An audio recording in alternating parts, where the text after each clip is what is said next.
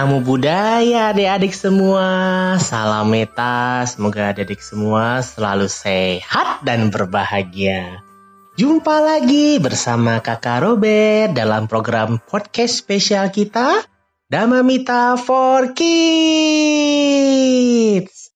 Nah adik-adik semua, kalau pada episode sebelumnya kakak Robert telah bercerita tentang Bante Cakupala, masih ingat janji kakak Robert pada kesempatan kali ini akan bercerita tentang kisah Kala, yaitu putra dari Anata Pindika.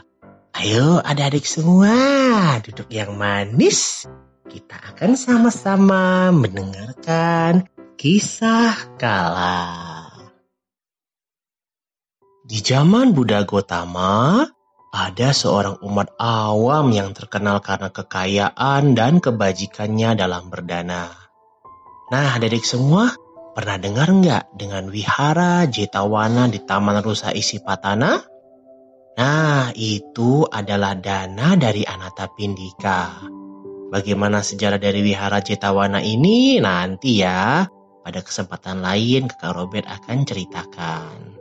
Nah, adik-adik semua, Anata Pindika ini juga telah menjadi seorang sotapanya, yaitu seorang yang tidak akan terlahir lagi di alam-alam yang menyedihkan, seperti alam binatang ataupun alam neraka, dan mencapai nibana sudah terjamin. Hmm, hebat ya Anata Pindika ini. Tapi adik-adik, meskipun demikian, pikiran dari Anata Pindika tidaklah tenang karena memikirkan anaknya yang bernama Kala. Kala meskipun memiliki kesempatan yang besar dan banyak untuk bertemu dengan Buddha dan kelompok besar Arya Sangha, ia tidaklah tertarik untuk belajar sedikit pun mengenai Dhamma. Sehari-hari ia habiskan dengan bersenang-senang dan berkumpul dengan teman-temannya. Anata Pindika khawatir kalau Kala terus-menerus malas dan hidup berfoya-foya, ia akan terjatuh ke alam-alam rendah. Dan Anata Pindika tahu benar seberapa besar bahaya yang mengintai Kala. Tapi sayang ya adik-adik semua, Kala tidak tahu dan ia tidak peduli sama sekali. Nah, tapi Anata Pindika tidak kehilangan akal. Ia tahu bahwa Kala senang dengan kekayaan tapi ia sendiri belum memiliki penghasilan. Jadi, pada suatu hari, Anata Pinika memanggil Kala dan berkata, Kala, ayah punya seratus keping emas untukmu. Apakah engkau mau? Wah, terima kasih ayah. Tentu saja aku mau. Terima kasih, terima kasih, terima kasih ayah.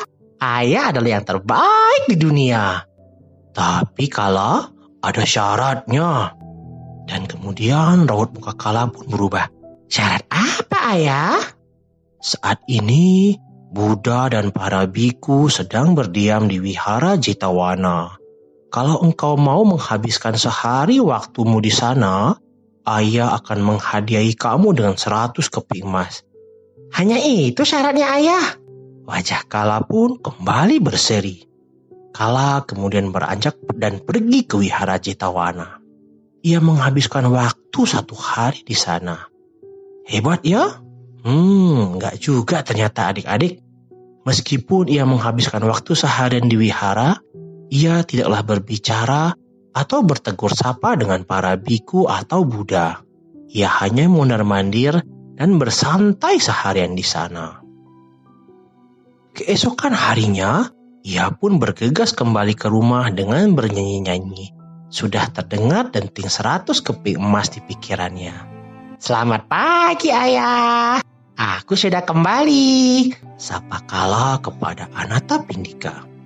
Selamat pagi Kala, ayah sudah siapkan makanan yang lezat untukmu. Karena engkau sudah menghabiskan waktu semalam di wihara. Ayo kita makan dulu. Aku tidak lapar ayah. Aku datang untuk menagih janji ayah. Mana satu keping emasku? Saat itu juga, Anata Pindika mengetahui bahwa rencananya gagal total. Kala tidaklah belajar apa pun selama ia di wihara Citawana. Tapi janji tetap harus ditepati dan seratus keping emas ia serahkan kepada Kala. Kala pun menghilang dengan emasnya untuk ia habiskan bersama teman-temannya.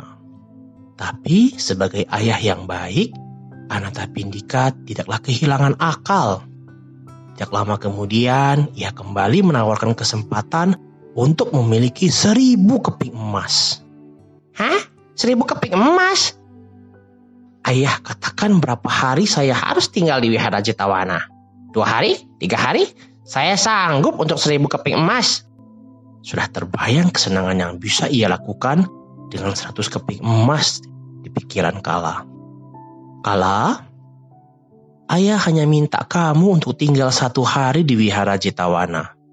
Tapi dengan satu syarat. Mintalah satu bait syair dari Bagawa dan hafalkan. Sekembalinya ke rumah, seribu keping emas akan menjadi milikmu jika engkau berhasil mengingatnya. Baik ayah, kata Kala menerima tantangan tersebut. Dan Kala pun bergegas menuju wihara Jetawana. Sesampainya di wihara, ia bergegas menemui Sang Buddha. Sang Buddha dengan kebijaksanaannya mengerti apa yang dimaksud oleh Anata Pindika dengan meminta Kala untuk datang menemuinya di wihara. Buddha memberinya satu syair yang sangat gampang, tapi meskipun kala tergolong anak yang cerdas, ia tidak mampu menghafalnya. Sudah sepuluh kali diulang, tapi ia tidak juga bisa mengingatnya. Seratus kali, seribu kali. Aduh, susah sekali mengingatnya. Karena kala harus terus-menerus mengulangnya, Sedikit demi sedikit, ia mulai memperhatikan kata-kata yang berusaha ia ulang dan berusaha memahami apa artinya. Dan kemudian tibalah saatnya ketika Kala memahami sepenuhnya apa arti syair yang diajarkan oleh Buddha. Buddha pun tersenyum melihat perubahan yang terjadi pada Kala.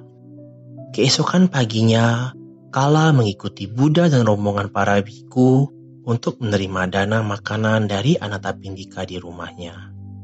Kali ini pikiran Kala menjadi risau. Ia khawatir kalau Buddha dan para biku tahu apa yang menjadi motivasi awalnya datang ke wihara Citawana. Aduh, malu sekali rasanya, pikir Kala. Setelah Anata Pindika menerima Buddha dan para biku, ia pun menemui Kala. Wahai Kala, terimalah ini seperti yang ayah. Belum selesai Anata Pindika berkata, Kala menyela dan berkata, Ayah, aku tidak lagi menginginkannya ayah. Ayah simpanlah janji ayah. Dan meskipun Anata Pindika berkali-kali memintanya untuk menerima, Kala tetap gigih menolak. Anata Pindika sangat terkesan dengan perubahan yang terjadi pada Kala. Anata Pindika berkata kepada Buddha, Hari ini kala anakku terlihat sangat menyenangkan dan bersikap sangat baik. Apakah yang sudah terjadi, O Bagawa? Dan Buddha pun berkata, Anata Pindika, anakmu tidaklah seperti kala yang engkau utus ke wihara Jetawana. Saat ini ia adalah seorang sotapanya. Buddha kemudian bersabda, lebih baik daripada memiliki kekuasaan mutlak di atas dunia ini, daripada terlahir di surga, daripada memerintah dunia ini, adalah untuk memenangkan buah sotapati. Nah, adik-adik semua, bagaimana ceritanya?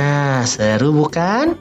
Ingat ya adik-adik semua, orang tua, papa, mama tentunya selalu mengharapkan yang terbaik bagi anak-anaknya Demikian juga papa dan mama adik-adik semua.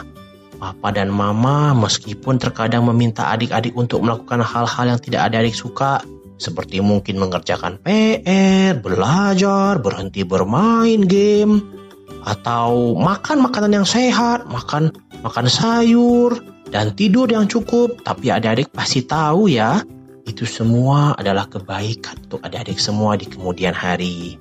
Untuk itu adik-adik, Jadilah siswa Buddha yang baik ya dan dengar selalu nasihat dari papa dan mama. Demikianlah adik-adik semua pertemuan kita pada kesempatan kali ini nanti kita akan kembali berjumpa dalam kisah-kisah yang lain. Jadi adik-adik semua tetap ya selalu setia bersama program podcast spesial kita Damamita for Kid. Sampai jumpa adik-adik semua. Namo Buddhaya.